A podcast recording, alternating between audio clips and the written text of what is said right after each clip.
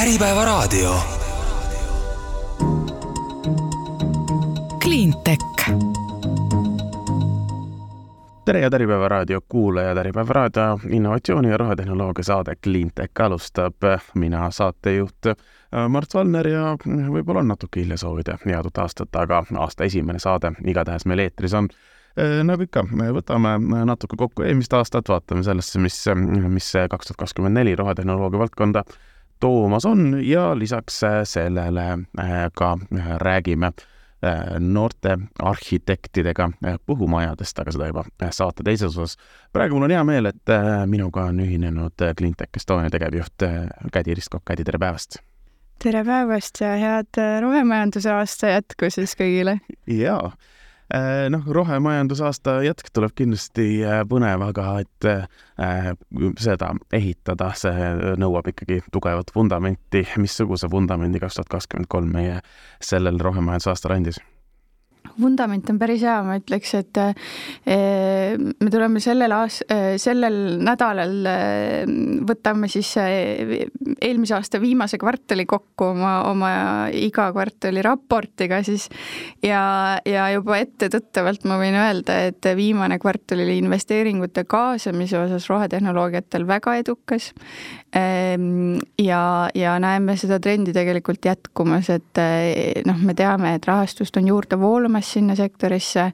Äh, me näeme, et see läheb ka tegelikult üle, ülejäänud majandusega teises suunas, kui, kui muu nagu tõmbab natukene kokku praegu ja läheb pigem pigem keeruliselt, äh, siis see on valdkond, äh, millel nähakse ikkagi nii nõudlust kasvamas kui ka investeeringuid kasvamas.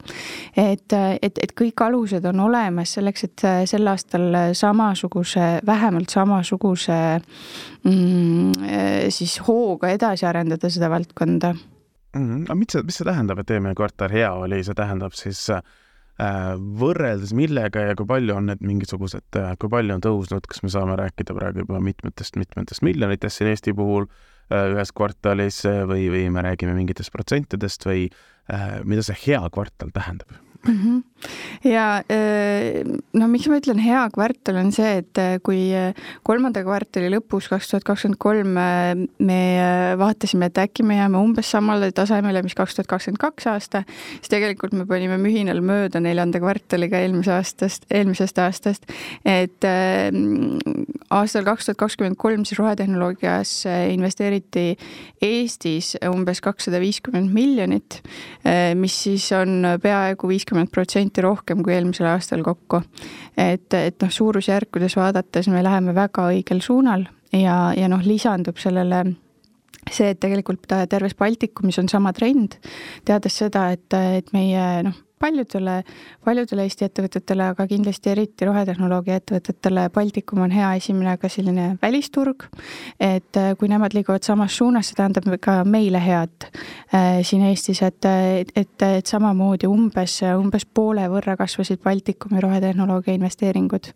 ja, ja noh, seal on kindlasti mitu asja, mis mängivad, et ühelt poolt see, et regulatsiooniga me oleme jõudnud sinnamaale, et me teame, et see ei ole mingi mööduv trend äh, keskkonnaeesmärgid on selleks, et jääda ja need hakkavad tõlgenduma majanduses. ja, ja see tõlgendamine tähendabki seda, et, et, et rohetehnoloogiad ei ole äh, enam valdkond, mis oleks siis puhtalt nagu, äh, puhtalt selle pealt, et, et, et riik on toetanud mingit projekti ja siis tehakse mõned aastad. et see on, see on täiesti majandusvaldkond omaette. Äh, siin on varasema staadiumi ettevõtteid, on juba väga pikalt toimetanud väga edukaid ja globaalseid ettevõtteid, ettevõtteid nii Eestis kui Baltikumis, kes, kellel on tarbijad, kes maksavad turuhinda nende toodete ja teenuste eest. et, et selles suhtes mulle tundub, et me oleme jah, kuidagi kaks tuhat kakskümmend kolm aasta lõpp ja kindlasti see aasta see nagu äh, kristalliseerub, et äh, rohemajandus ja rohetehnoloogiad äh, on, on suureks kasvanud majandusvaldkond nii-öelda mm. -hmm. aga kas on midagi, mis seda praegu eest ka veab, kui me räägime kahesaja viiekümnest miljonist näiteks eelmine aasta, eks ole, kust see tuli? ma arvan, et see, see tulebki võib-olla sellise regulatsiooni kindluse pinnalt. kindlasti on kindlasti on seda õhutanud eh, kõik sellised ähm, regulatsioonid, mis suunavad suuri ettevõtteid ja investoreid ja pankasid siis äh,, siis just äh, vaatama oma portfellile otsa selle pilguga, et mis mõju on keskkonnale ja kliimale ja seda parandama, et sellest on kindlasti suur tõuge tulnud ja, ja tulnud tõuge ka nõudlusele tegelikult, et, et suurettevõtted on tihtipeale need, kes peavad oma tegevusi hakkama Äh, siis rohelisemaks tegema või saastamist vähendama äh, ja, ja nad tulevad, tulevad oma selle vajaduse või probleemiga siis äh, innovaatorite juurde, kes pakuvad neid lahendusi või hakkavad ise neid välja töötama.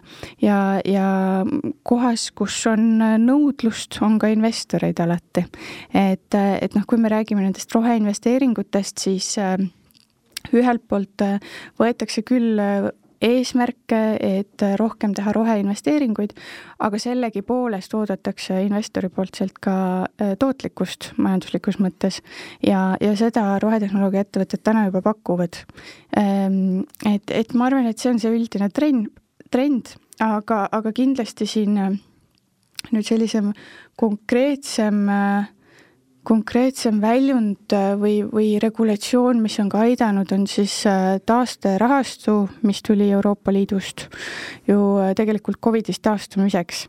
aga, aga ka sellise rohesuunaga, vähemalt osaliselt ja, ja nüüd hakkab see raha jõudma turule ja, ja Baltikumis ähm, kõigis riikides, Eestis samuti, on sellest otsustatud osaliselt siis teha ka rohefonde, eh, et need hanked on kas käima löödud või juba lõpetatud ja, ja peagi me peaksime nägema nüüd uute rohefondide teket, Eestis tekib kaks tükki, eh, Lätis kolm, ehm, Leedu kohta ma ei ole kindel, kui mitu, aga samamoodi tekitatakse uusi rohefonde, kus siis riik annab sellise nii-öelda seemneraha, aga lõpuks need on ju fondid, mis kaasavad ka eraraha ja mis hakka-, jätkavad toimetamist pikemas perspektiivis.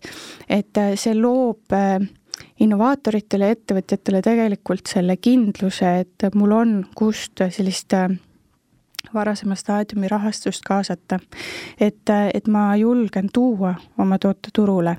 Ehm, ja, ja noh, eks äh, sealt järgmine samm on kindlasti siis edasi, et juba sellist kasvuraha hakata kaasama, vaadata võib-olla ka väl-, välisinvestoreid, välisturgusid.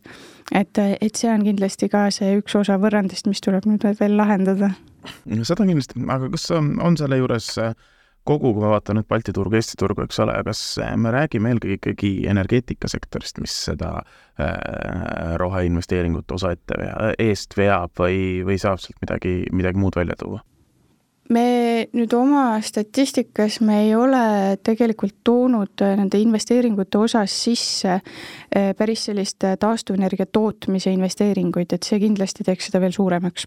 aga mida me oleme sisse arvas, arvestanud, on ähm, on äh, näiteks äh, salvestustehnoloogiate ähm, ettevõtted, rohelise transpordi ettevõtted, äh, nii edasi, et et jaa, tõesti noh, meil on kõige suurem valdkond kindlasti see energeetika, rohetehnoloogia valdkond, sellepärast et see on ka koht, kus me kõige rohkem kasvuhoonegaase tekitame siiamaani ajalooliselt, aga, aga kus ka kõige rohkem on juba tegeletud sellega. et see on selles suhtes kõige küpsem rohetehnoloogia valdkond valdkond. ja, ja see areneb edasi ja see on võib-olla see valdkond, kus me peame kõige rohkem äh, siis äh, sellist äh, laiemalt kasutusele võtma neid asju, mis juba eksisteerivad tegelikult. kindlasti on vaja juurde ka, aga, aga päris palju on juba olemas, eriti siin kaks tuhat kolmkümmend aasta vaatest võime julgelt lihtsalt kasutusele võtta neid asju, mis on turul ehm, on valdkondi, kus on vähe asju turul ja kus tuleks äh, nagu rohkem juurde arendada. kindlasti meie jaoks on oluliselt äh, vaja arendada juurde kõik, mis on maakasutuse, põllumajandusega seonduv.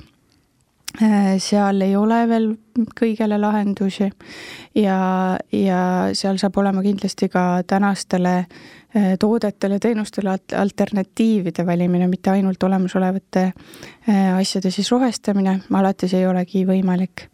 et, et äh, et, et seal, seal on meil ilmselt ka õppida mingitest teistest riikidest, kus võib-olla põllumajandusvaldkond on innovatiivsem et, et vaadata, kus meie selle oma põllumajanduse, rohemajanduse potentsiaali leiame. samamoodi metsanduses, et on hakatud juba leidma innovaatilisi lahendusi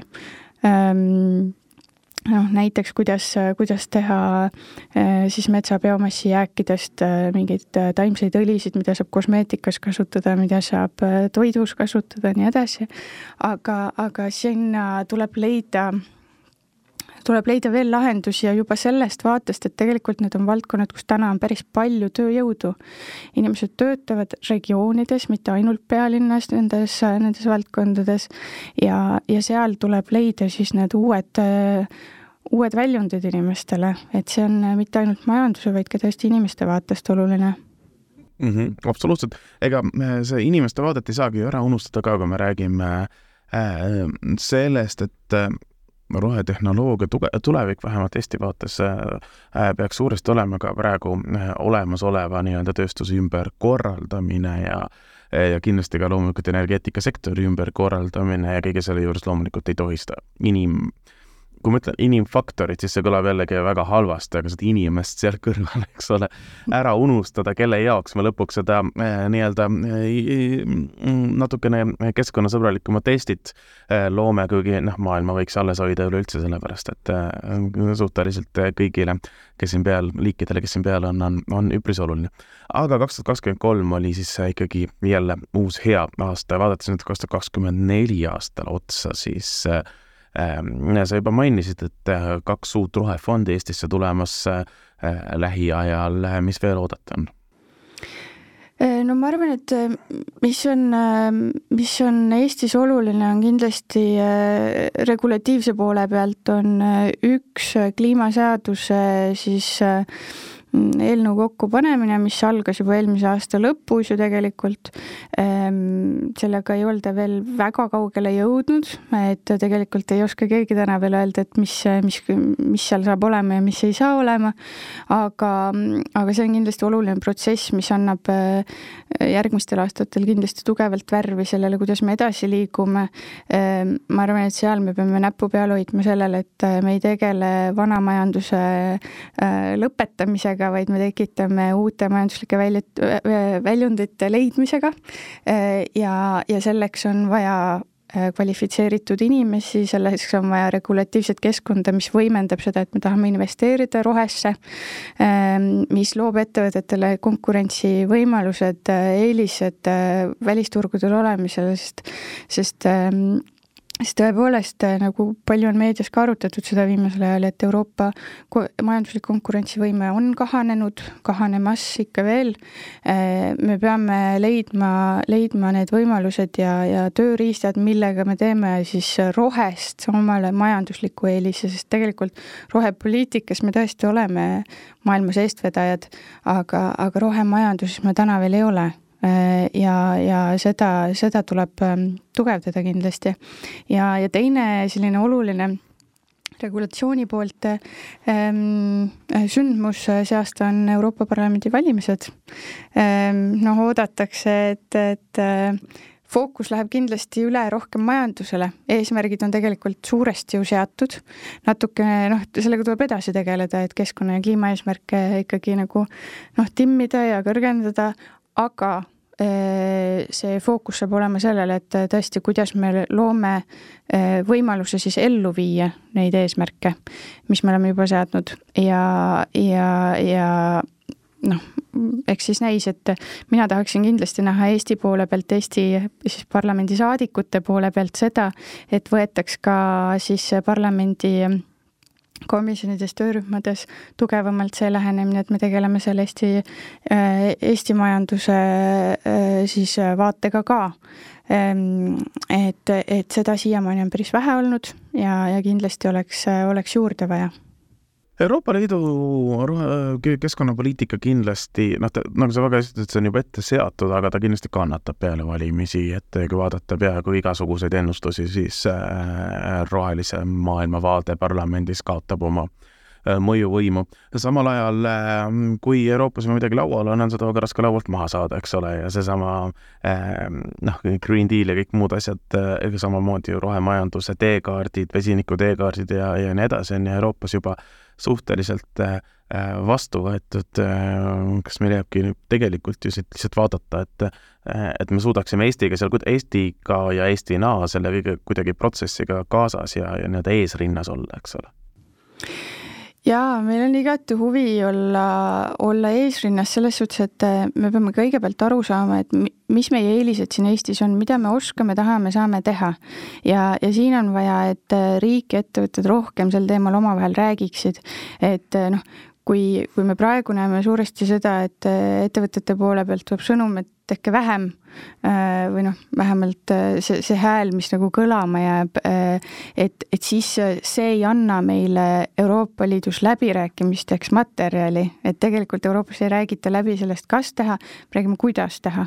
ja, ja kui Eesti siin ei ole välja mõelnud, kuidas me teeme, siis tehakse Euroopa Liidu tasandil, nii nagu teised paremaks arvavad ja me peame järgi minema sellega.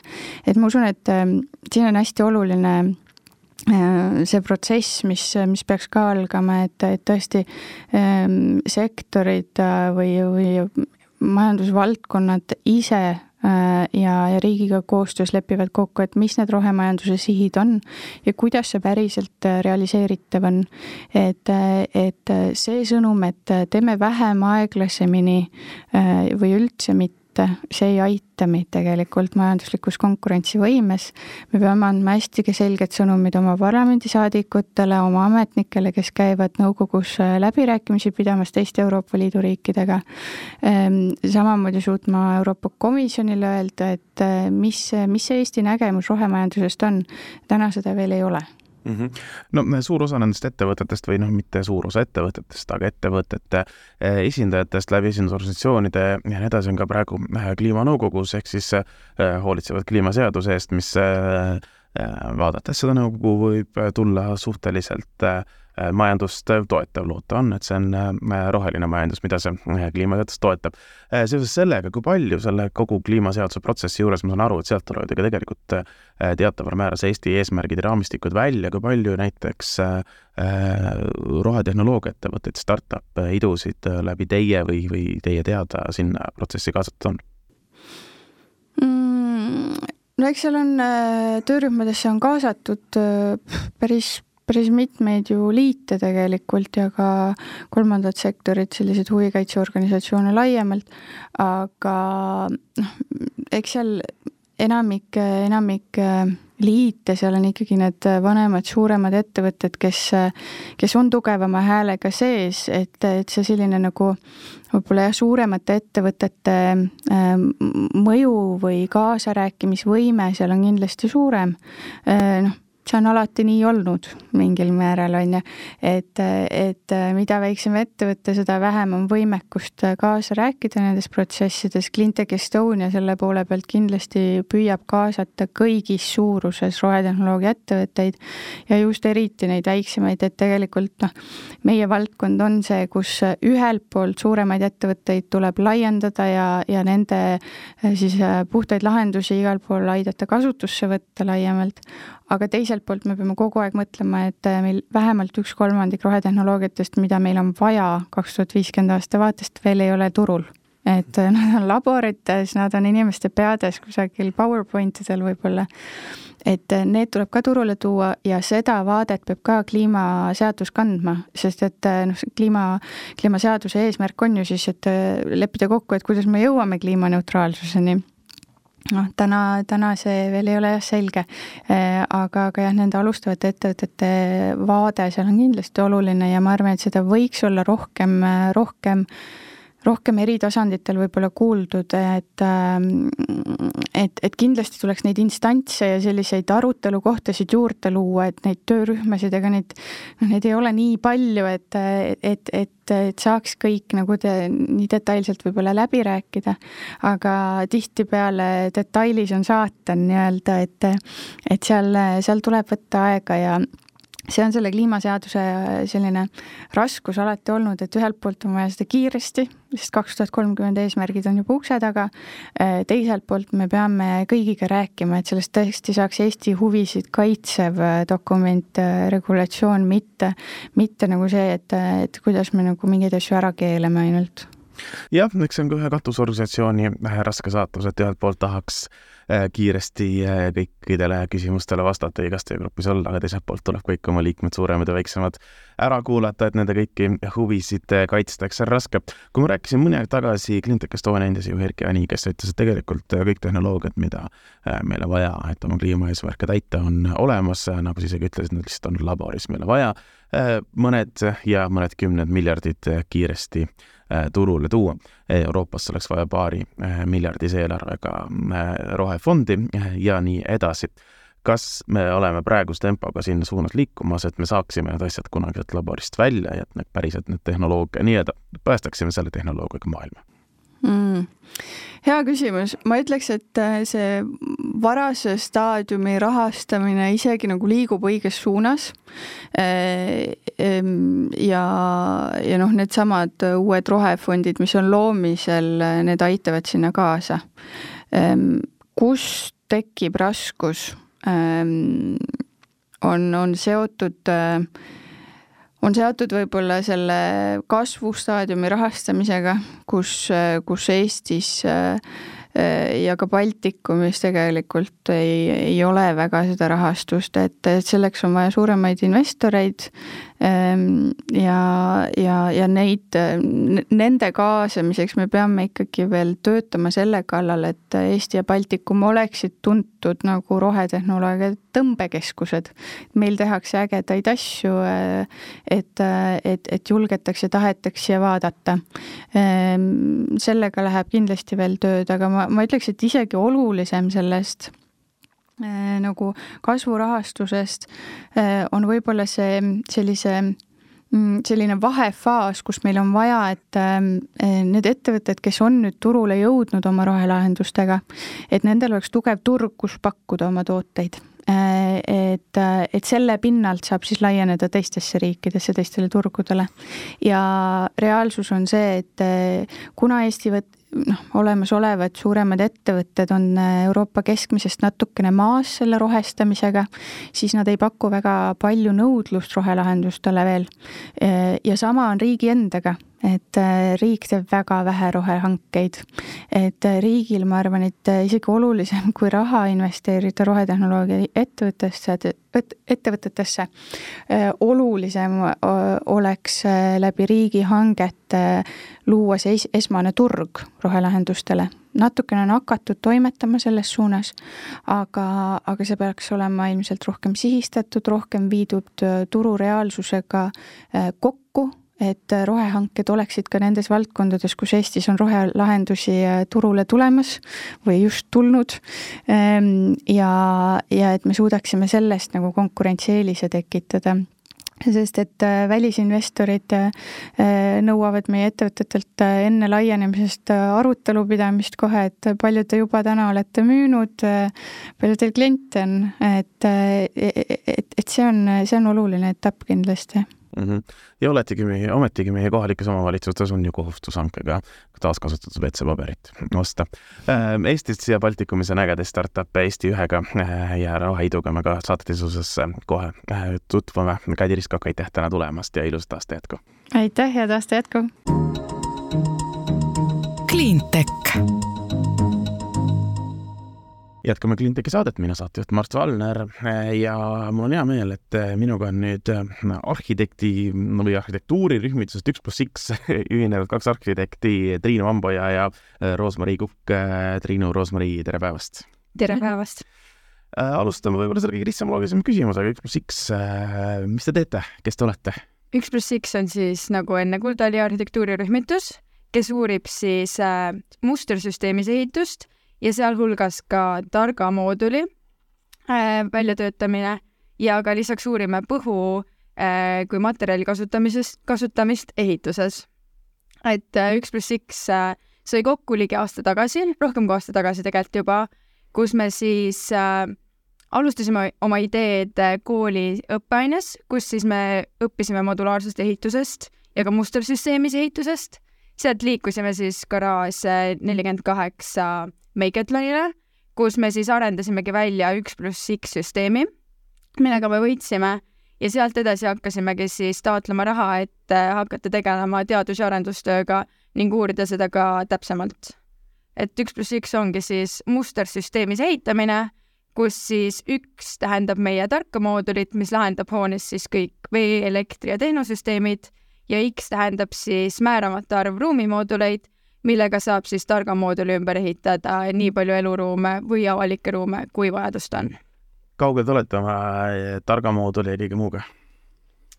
Eh, oma teadustööd me alustasime siis kaks tuhat kakskümmend kolm aasta juunis ja see kestab kokku viisteist kuud ehk siis natuke üle aasta ja hetkel me oleme siis äh, teinud suvel põhjalikku uurimustööd, et äh, kaardistada, mis üldse maailmas varem tehtud on ja mis oleks need uued suunad, millega võiks tegeleda.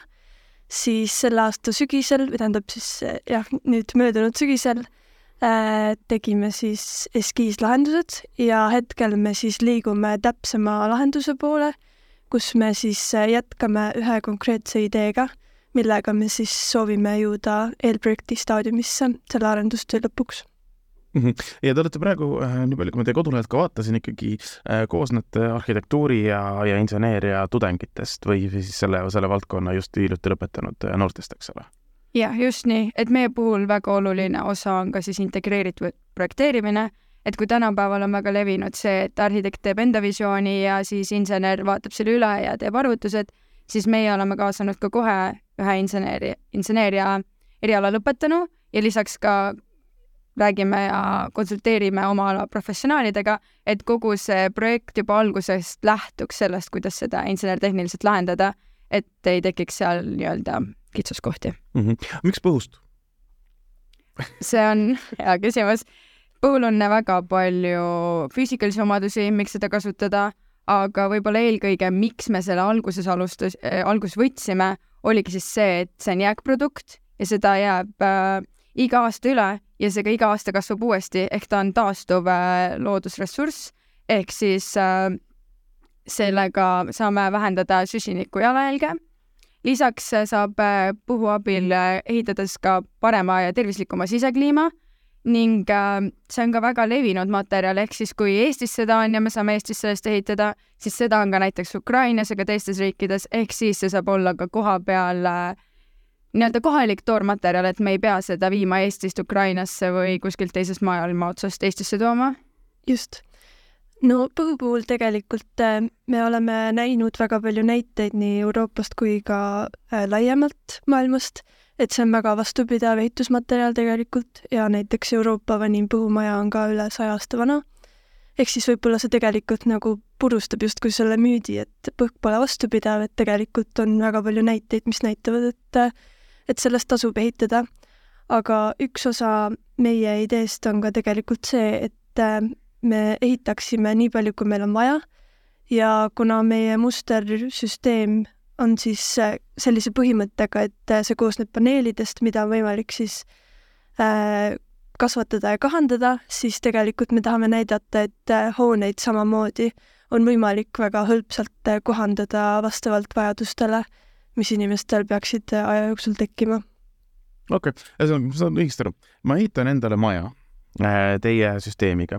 Äh, ma olen, elan seal üksinda, siis mul on äh, kaks, kaks tuba ja, ja, ja siis see, SAN-süsteem ja siis ma leian endale kellegi kaasa, siis ma panen ühe toa juurde, kui me saame lapsed, siis ma panen veel kaks tuba juurde ja kui mu lapsed kodunt välja kolivad, siis ma võtan kaks tuba maha. just nimelt, täpselt nii, nii lihtne see ongi selline hea Lego ehitamine põhimõtteliselt. jah, aga see tegelikult on väga oluline, et me, me ehitaks nii palju, kui meil on vaja, et me ei ehitaks liiga palju sest me alati oletame, et aa, et äkki meil on rohkem vaja, ehitad suurema maja, su ehitus, ma ei tea, kulu nii rahaliselt kui ka jalajäljeliselt on suurem. Äh, vahepeal need äh, arvamused, kuidas sa arvad, palju sa vajad, ei vastagi tõele, vahepeal on rohkem vaja ja siis sa hakkad hoopis uut maja ehitama. Aga miks ei võiks olla see nii, et sa ehitad endale alguses nii palju, kui on vaja ja vastavalt sellele, kuidas su elu liigub, sa saad sedasama maja muuta, mitte ei pea ehitama uut maja kuhugi mujale uuesti mm. -hmm, täiesti loogiline. millest teie see tark moodul, mis, mis on, ma saan aru, et süda ja kogu, kogu sellele ehitusele, et äh, kuidas te selle olete välja arendanud ja, ja mille põhi, mille põhjal see, see siis kõik põhineb nii-öelda? targa mooduli lahendus on midagi, millega me praegu veel töötame täpsemalt, aga äh, meie idee on selles, et äh, targas moodulis peituksid siis kõik tehnosüsteemid, ehk siis läbi selle oleks võimalik äh, näiteks hoonet kütta, aga ka näiteks koguda vihmavett, kui on vaja. samuti on seal näiteks vannituba ja WC aga ka köök, et siis väga oluline on see, et kõik need tehnilised sõlmed oleksid äh, ühes kohas, et siis see ruum selle ümber saaks siis äh, ajas vastavalt muutuda, nii nagu on vaja mm. -hmm, arusaadav. Äh, kuulge, me ehitame ainult nullenergiamaju nüüd tulevikus. kas see, mis teie teete, on ka nullenergiamaja? või vähemalt selline A, A või A pluss klassiga? ma arvan, et see on põhimõtteliselt ainus viis, kuidas edasi minna siis jah päikesepaneelid peale ja? ütleme nii, et kindlasti see kõik saaks äh,, seda saab kõike integreerida sinna, kui maja on niisuguses kohas, kus sa tegelikult saad päikeseenergiat nii-öelda koguda, et päris metsa sisse me ei paneks sinna päiksepaneele, et selles suhtes see süsteem on ka nii-öelda paindlik, et äh, see lähtepunkt on kõigil sama, et see muster on kõigil sama, aga see, kuidas sa selle mustri sees ehitad, on väga erinev. et me olemegi seletanud oma mustersüsteemis ehitamist, et see on justkui niisugune ruuduline leht, millele sa võtad ette ja see, kuidas kolm inimest ruumis selle võib-olla täidavad, on täiesti erinev, aga et tänu sellele, et neil on sama nii-öelda algpõhimõte, siis seda kõike saab tehases samade põhimõtete järgi toota, aga see, millised majad välja tulevad, need saavad olla väga eriilmelised ja arhitektuurselt põnevad üks asi, kuhu te tahate kindlasti ehitama minna või vähemalt äh, te olete võitnud äh, Estevilt ka, ka saanud toetust, et ja võitnud siis selle häkatoni, et mis võiks olla lahendused tulevikus kiirele Ukraina ülesehitamisele, kui ma ei eksi. kuidas te, kuidas te sellise mõtte peale tulite ja, ja, ja reaalsuses siis noh, millal me võime hakata puumajadega Ukrainat üles ehitama? Äh, see oli ja eelmise aasta Garage neljakümne kaheksa Makeathon, millel me siis Estevi nii-öelda väljakutse võitsime, et nende soov oligi siis seal just SOS Lasteküla kontseptsioonile lahendust leida. Ja meie kontseptsioon seal siis nägigi välja täpselt seda, kuhu me nüüd ka edasi oleme liikunud, et meil on üks tark moodul, mille ümber ka nemad saaksid siis kas kasvada või kahaneda nende äh, ruumi äh,, ruumilahendustega, et äh, pane-, paneelide näol siis just eelkõige et äh, kindlasti Ukraina on üks koht, kus äh, see, et me saame kiiresti ja lihtsasti ja mustris ehitada, on nagu väga hea koht, kuhu liikuda. aga kindlasti seal on ka omad kitsaskohad, millele tuleb mõelda ja mida tuleb arvestada ja selles suhtes see turuga me veel nii väga kursis ei ole, aga kindlasti üks asi, mis toetab sinnapoole liikumist, on põhumaterjali kasutamine, mida ka seal on väga palju mm. -hmm. no Ukraina on üks äh, näide tegelikult mm -hmm. ju äh, kohtadest, kus on vaja kiiret ülesehitamist äh,. samasuguseid on äh, Vaikse ookeani saared, kust käivad orkaanid üle ja kus peale mida tuleb kiiresti teha ükskõik missugused äh, muud looduskatastroofid ja, ja, ja olgem ausad, selliseid katastroofe ja probleeme, mida peab kiiresti üles ehitama hakkama, tuleb suure tõenäosusega lähema äh, dekaadi jooksul näiteks ju piirkondadena oluliselt, oluliselt juurde. kas teie, teie majade ehitamine on kiire protsess, millega saab noh, vajadusel kiiresti moodulid välja ja kiiresti nüüd ülesehitust teha?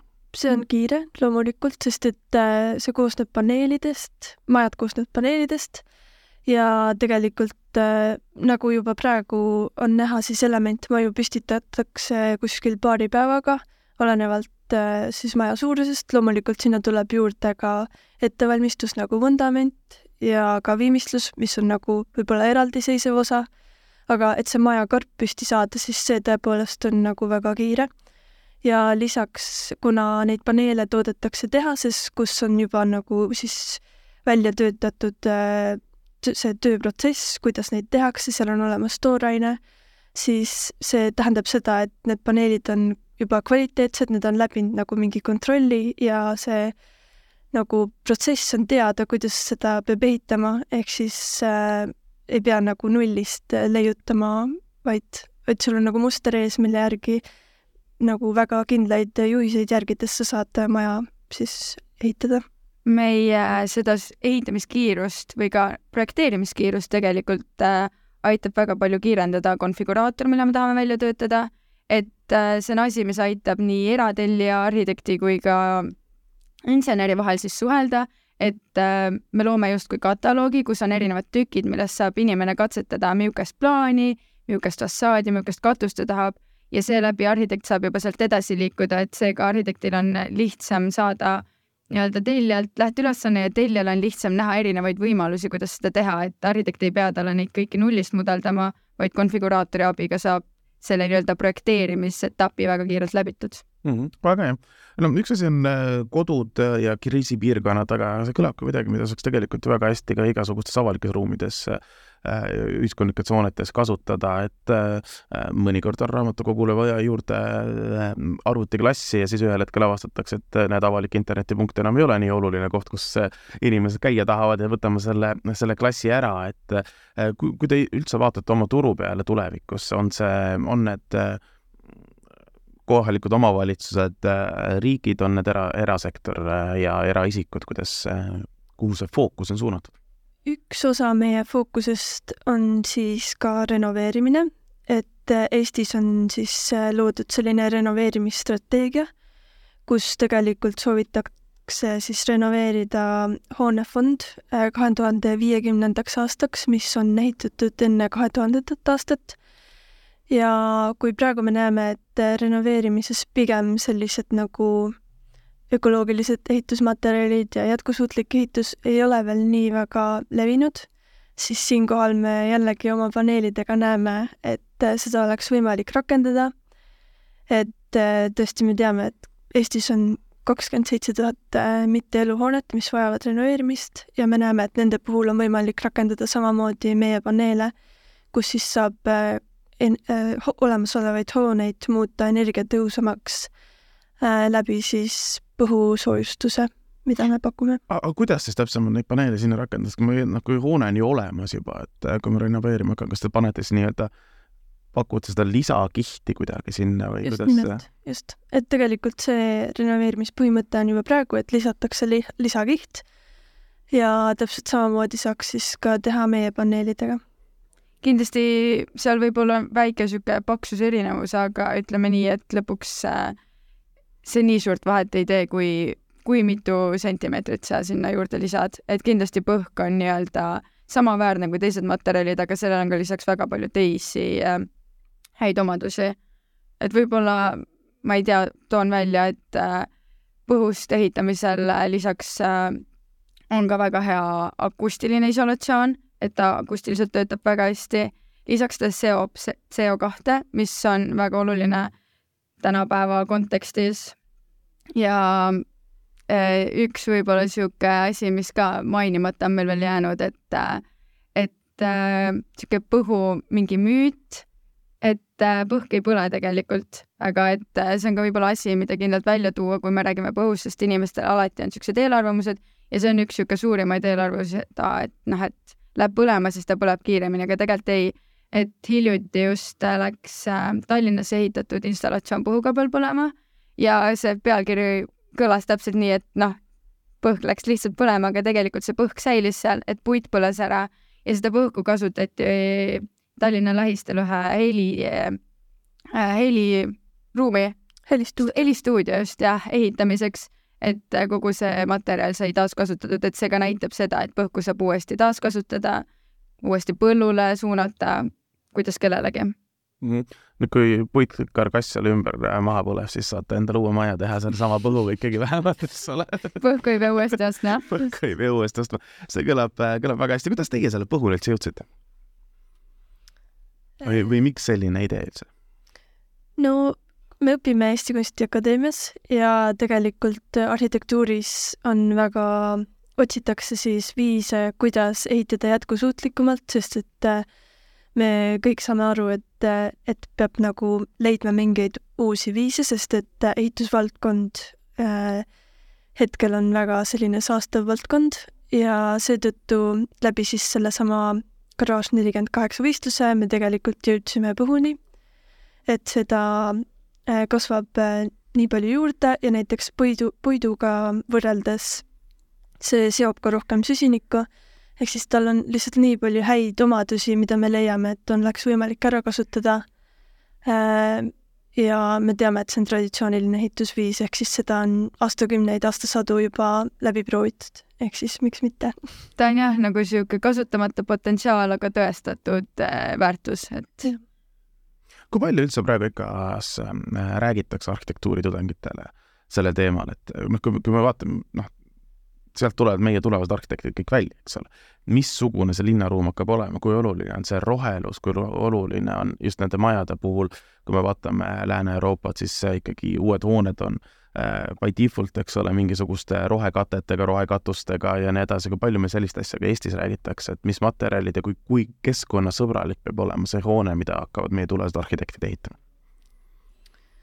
ma arvan, et noh, loomulikult see on nagu järjest populaarsem ja seda juba nagu eos eeldatakse arhitektidelt, et nad mõtleksid selle peale, aga samas siinkohal jälle ma arvan, tuleb välja tuua, et, et ainult meie nagu ei, ei oska neid kõiki lahendusi välja mõelda ja me ei peagi neid mõtlema, vaid me peame oskama kaasata õigeid inimesi kellel on need teadmised ja kellega koostöös ehk siis integreeritult me saaksime need uued ja head lahendused välja mõelda. ja oluline koht tegelikult nii-öelda parema linnaruumi puhul on ka tegelikult tellijal, et olgu ta siis eraklient või riik, et, et nendeni peab jõudma ja see te-, teavitustöö ja kõik on väga oluline selle puhul, et lõpuks see, kes maksab, see otsustab, nii et aga arhitektid nüüd alati öeldavad, et ei, see ei ole nii keskkonnasõbralik, kui ma tahaks, ma ei tee sulle seda ju. siis minnakse järgmise arhitekti juurde ja küll keegi ära teeb arusaadav. kuulge, aga kui me räägime üks pluss X-ist, ähm, kus äh, te olete praegu ikkagi äh, idee staadiumis põhimõtteliselt, eks ole, kus te olete kahe aasta pärast, kus te olete viie, kus kümne pärast? Teil on ju plaanid kindlasti olemas meie suur eesmärk on kindlasti jõuda pilootprojektini et ka siis oma välja mõeldud lahendusi praktikas ellu viia ja tõestada.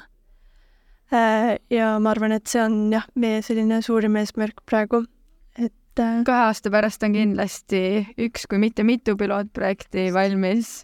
Viie aasta pärast on neid viis, kümne aasta pärast sada ei, kindlasti jah, selles suhtes oluline on jõuda ikkagi teadus- ja arendustööga ruumi ja seda ruumi kvaliteeti parandada et need võivad olla siis kas väiksemad äh, liigutused maja soojustamise näol või suuremad liigutused mõne ühiskondliku hoone ehitamisel, et ütleme nii, et arenemisruumi on väga palju, aga kõige olulisem on see esimene samm ära teha.